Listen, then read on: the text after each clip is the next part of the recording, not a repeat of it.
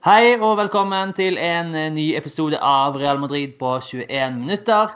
Real Madrid slår Eibar eh, 3-1 og eh, har vel vunnet fem kamper på rad nå. Christian Thorsen Scharte, velkommen. Fem kamper på rad, er det der vi er nå? Ja, er det ikke det? Fire Takk, forresten. Eh, fire på rad i La Liga, og sammen med den i Champions League, så er det vel fem på rad. Det var en Så det er jo- nevnte så jeg, jeg syns det hadde gått litt raskt. At vi plutselig oppe på fem allerede. Det var litt, uh, litt overraskende, men når jeg tenker meg om, så, så er det vel riktig. Ja, Det snur fort i fotballen. Det er det ingen tvil om. Ja, Det er det ingen tvil om. og Vi skal jo komme litt tilbake til hvorfor det har blitt sånn. Men uh, vi slår altså Eibar 3-1. Og um, et spørsmål som jeg av og til liker å kaste ut, men som jeg syns i dag er veldig vanskelig å svare på, så da selvfølgelig skal jeg kaste ut til deg. eh, Se om du kan svare på det. Men hvordan vil du oppsummere denne kampen her? Det syns jeg er litt sånn det var, det var Det var mye i denne kampen, var ikke det? Jo, det var, det var veldig mye. Eh, Hvis jeg skal oppsummere den med bare sånn én setning, f.eks., så ville jeg sagt sånn God i begynnelsen, Mm. og så fall, og så dabb og da. Det er, virker nesten litt sånn, De virker nesten slitne etter de får den første skåringa, intensiteten faller. Men de har på en måte gjort nok i de første 15 til at det holder inn. Ja. Mm. Eh, og det er, jo, altså, det er jo nok en sånn sliteseier som vi så Real Madrid ta i fjor. Som de, en- ja, spesielt på sommeren i fjor, som de ikke har klart å ta så mange av så langt denne sesongen. ja. Så det er jo et, tegn som, et godt tegn på at vi kanskje er litt tilbake der vi var forrige sommer. da. Jeg tenkte jo det samme, at det her er eh, igjen, altså som vi har sett tidligere i disse siste kampene, at er Real Madrid, eh, altså Zidane V2-perioden, eh, gode gamle Real Madrid derfra, um, som bare ha, veldig trygg med ballen, spiller han i forsvarsleddet, og så finner de, finner de rom på kantene, og spiller med Lucas Vasques og spiller med Rodrigo på kantene, de gjør god jobb, og Modric og Kroos og hva som gjør. Altså, det bare funker. Ja. Men ehm, så er det litt rusk i maskineriet, da. Men vi kan jo først ta det, det positive, som er at vi får to raske mål. Ehm, først er det Rodrigo med et vakkert gjennomspill til eh. Karim Benzema. Ja, helt, Det er verdensklasse over den pasninga der. Mm. Eh, De viste han eh, i reprise i, på, Når man ser det på Strive, så viser de jo alltid alle høydepunktene i reprise 15 ganger i pausen. Eh, ja. Eh, og da viste de jo denne, denne fantastiske chip-pasninga nesten gjennom til Benzema. Det er jo en lissepasning. Ja. Altså det, det er rett og slett verdensklasse over den pasninga, og det skaper jo den skåringa. Men jeg syns samtidig ikke at vi skal undervurdere hvor imponerende det er Benzema å faktisk få den ballen i mål. ja. Fordi at det, det er, Selv om det er en god pasning, så må han allikevel ha et perfekt mottak for at han skal få akkurat nok plass til å få seg vekk fra forsvarsspilleren. Og han klarer i tillegg å sette han på en måte til side under for en keeper som bare er to meter unna han idet han, i det han Mm, avslutter. mm. Så det er, det er også en vanvittig god prestasjon av Benzema. Så det er en nydelig skåring.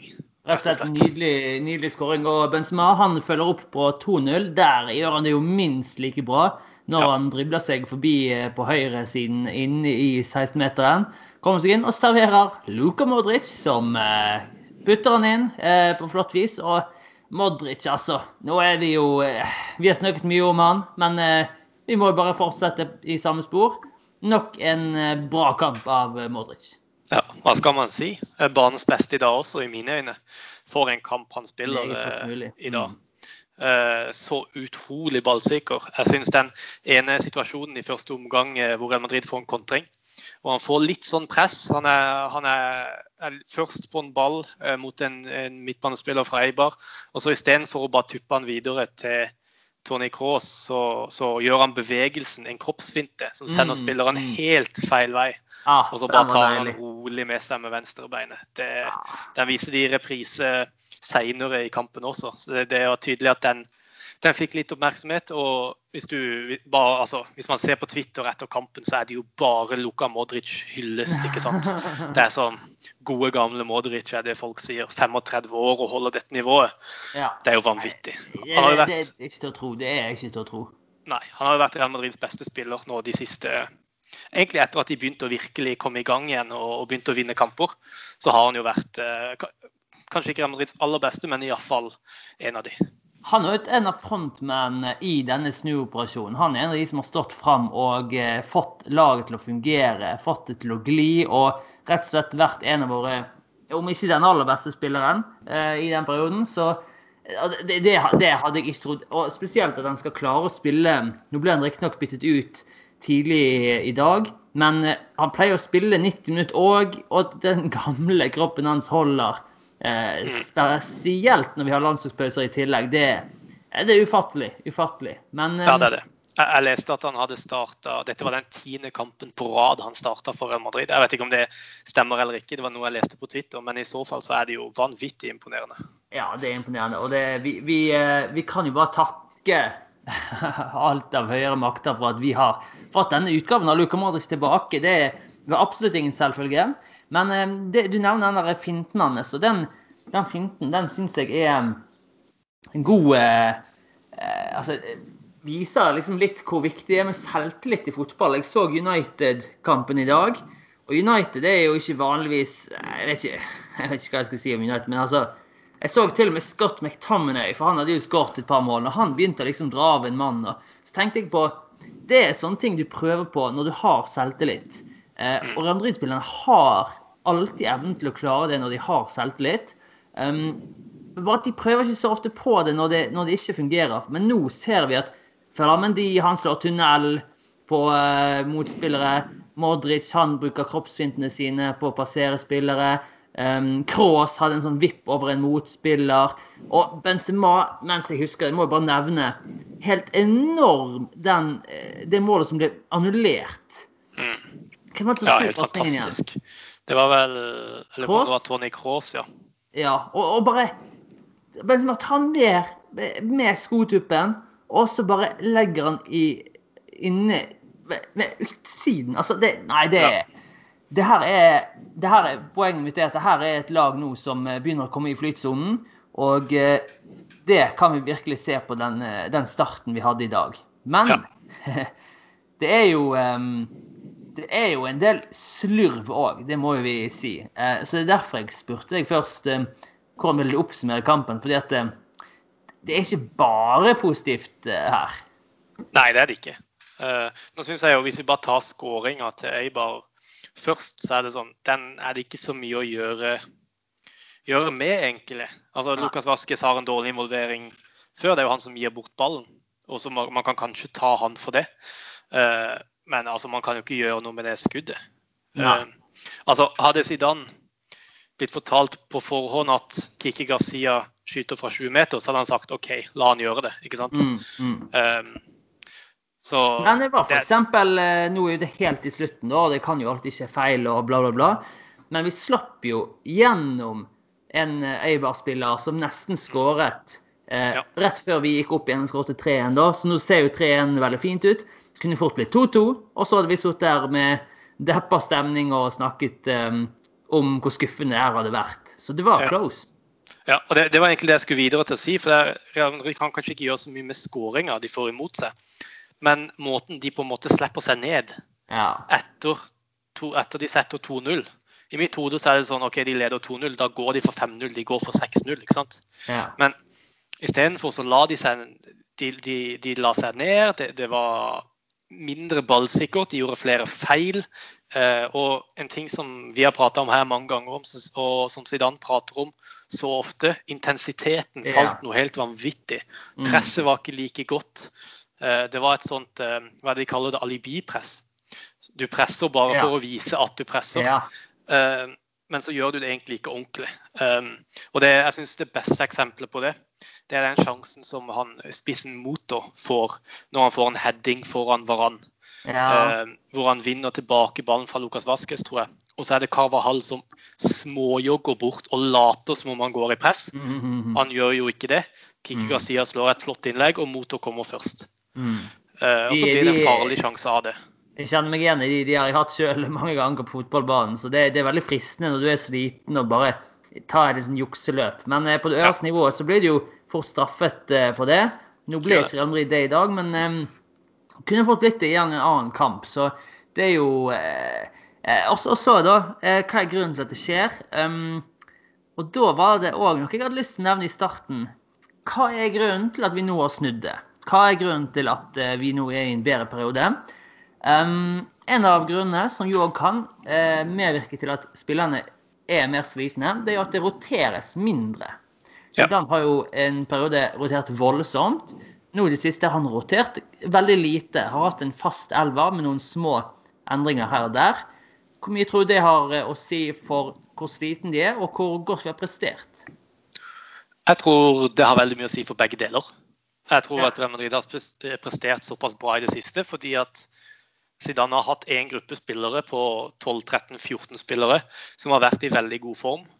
Og så har han brukt alle de i hver eneste kamp. Ja. Uh, lite bytter, det er lite hvile. Det er jo noe som har kjennetegna Zidane i hele sin periode som Real Madrid-trener. At han, han, har ikke vært redd for å rotere på laget uansett om en spiller er i form eller ikke. Nei.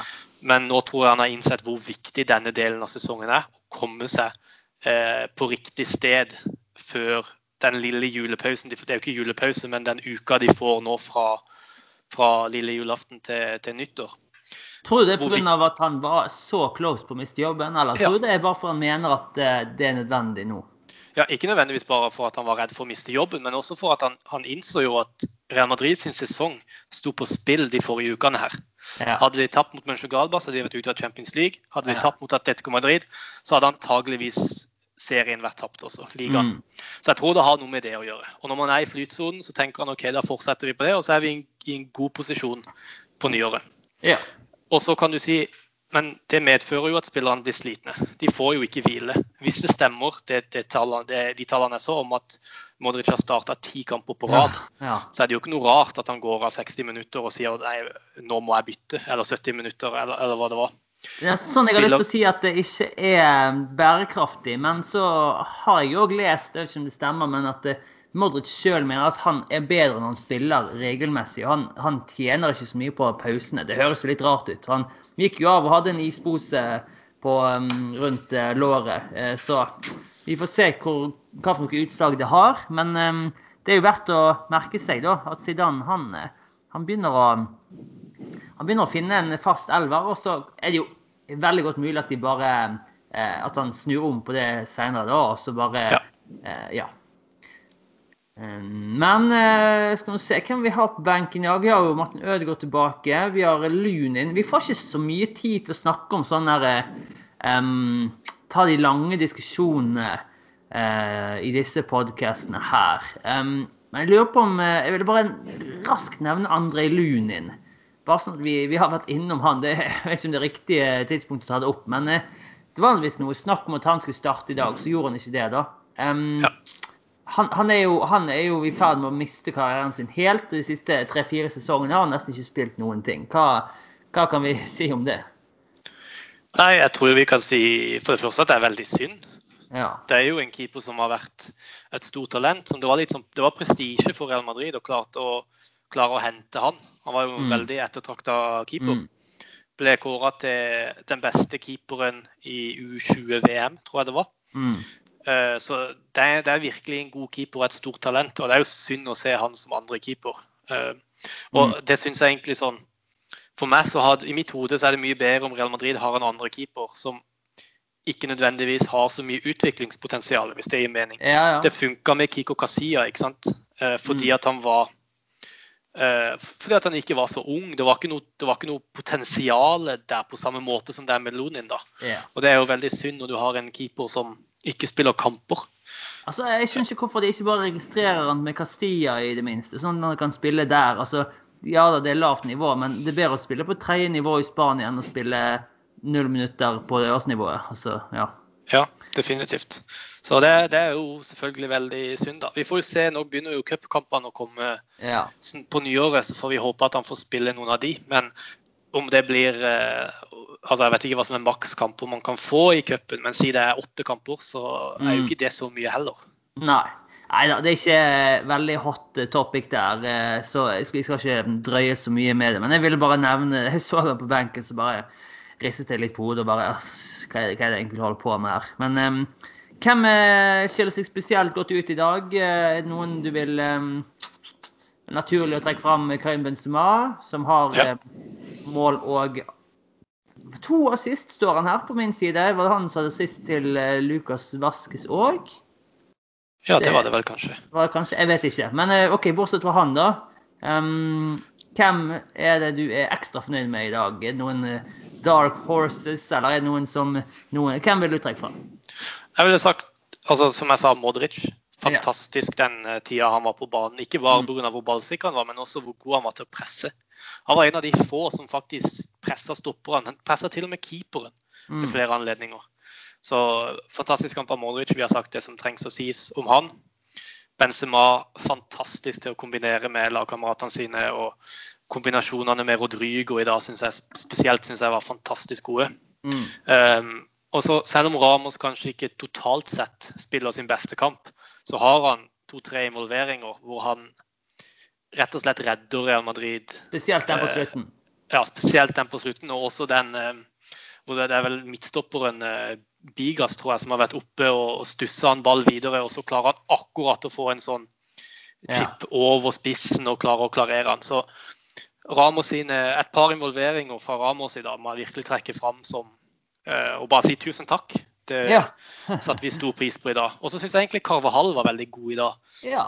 Fordi det var tydelig at Eibar hadde en plan om at når Varan hadde ball i beina, så skulle de presse. For de vet at Varan er litt shaky med ball i beina. Og Da var Carvahall der til stadighet, gjorde seg spillbar og var på en måte et ballsikkert alternativ som Varan kunne spille til hver eneste gang. Mm. Og eh, selvfølgelig å ha Modric på den sida som, som, møter, og Lukas Vaskes hjelper jo også. Men mm.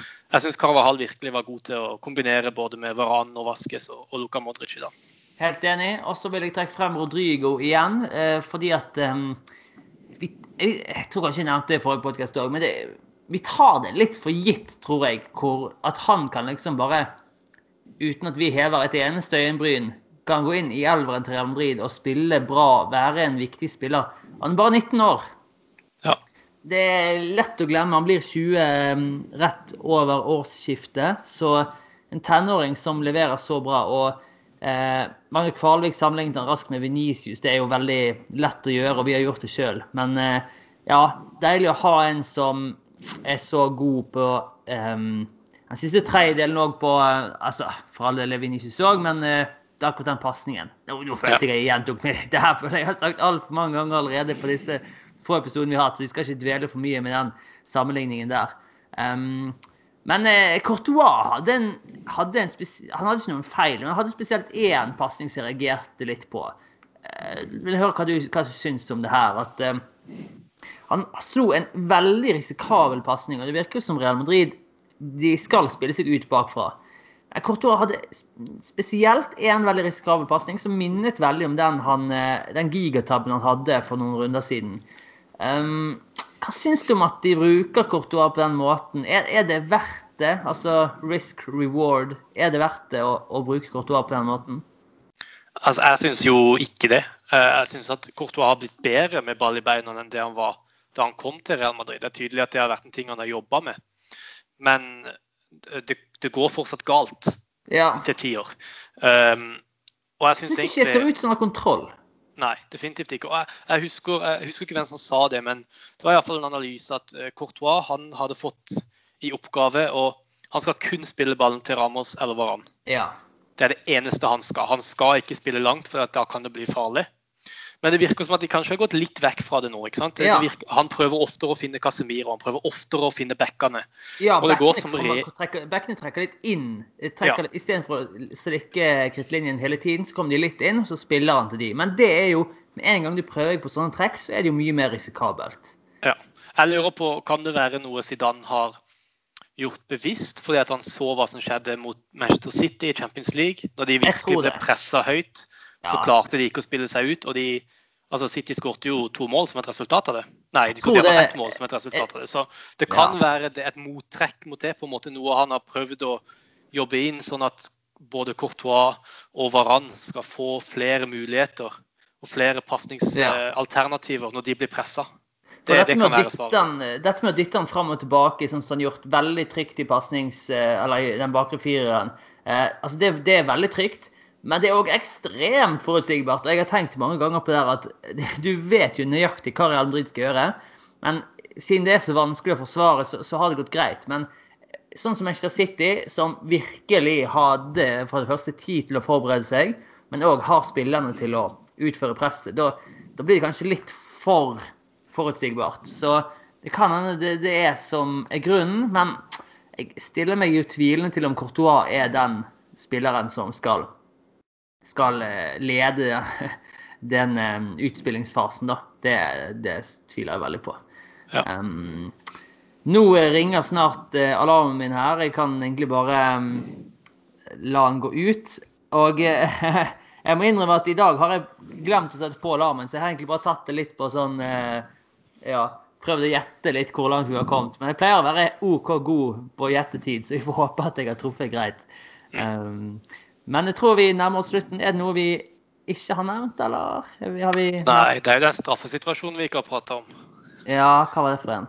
Det var jo den med Ramos og, og Hensen som, ah, den, uh, som den en rekke fans fra en viss supportergruppe har ment var, var, straffe, og andre mener at det ikke er det. Det er, ah. det er litt forskjellig, da.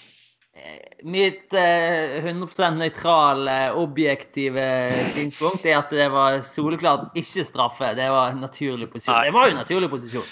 ja, om det var, ja, det var iallfall kort avstand mellom, mellom uh, headinga og Aha, armen. Ikke armen nesten ute fra kroppen i hele tatt. Nei, han er i lufta, og han, eh, han, han, er jo fortsatt i lufta når han treffer han, og han har ryggen til og sånn. Så ja. jeg, jeg, tror at hadde det vært for to år siden, så hadde det vært soleklart at det ikke er straffe.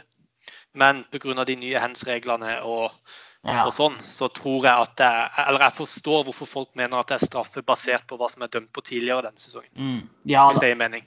Men jeg, jeg er enig. Det er, det er, ikke straffe i mine øyne, men jeg skjønner hvorfor folk mener det. Ja. Nei, jeg hadde jo blitt ganske oppgitt hvis det hadde blitt straffe. Men OK, ja, det som du sier, den hands-diskusjonen, den vil ingen ende ta. Men um, vi må nok dessverre runde av denne podkasten for i dag. Hvis vi skal holde ord om å få episoden ut en time etter uh, kampslutt. Så um, takk for at du var med, Kristian. Og um, takk til uh, dere som hørte på. Til neste gang, à la Madrid. À la Madrid.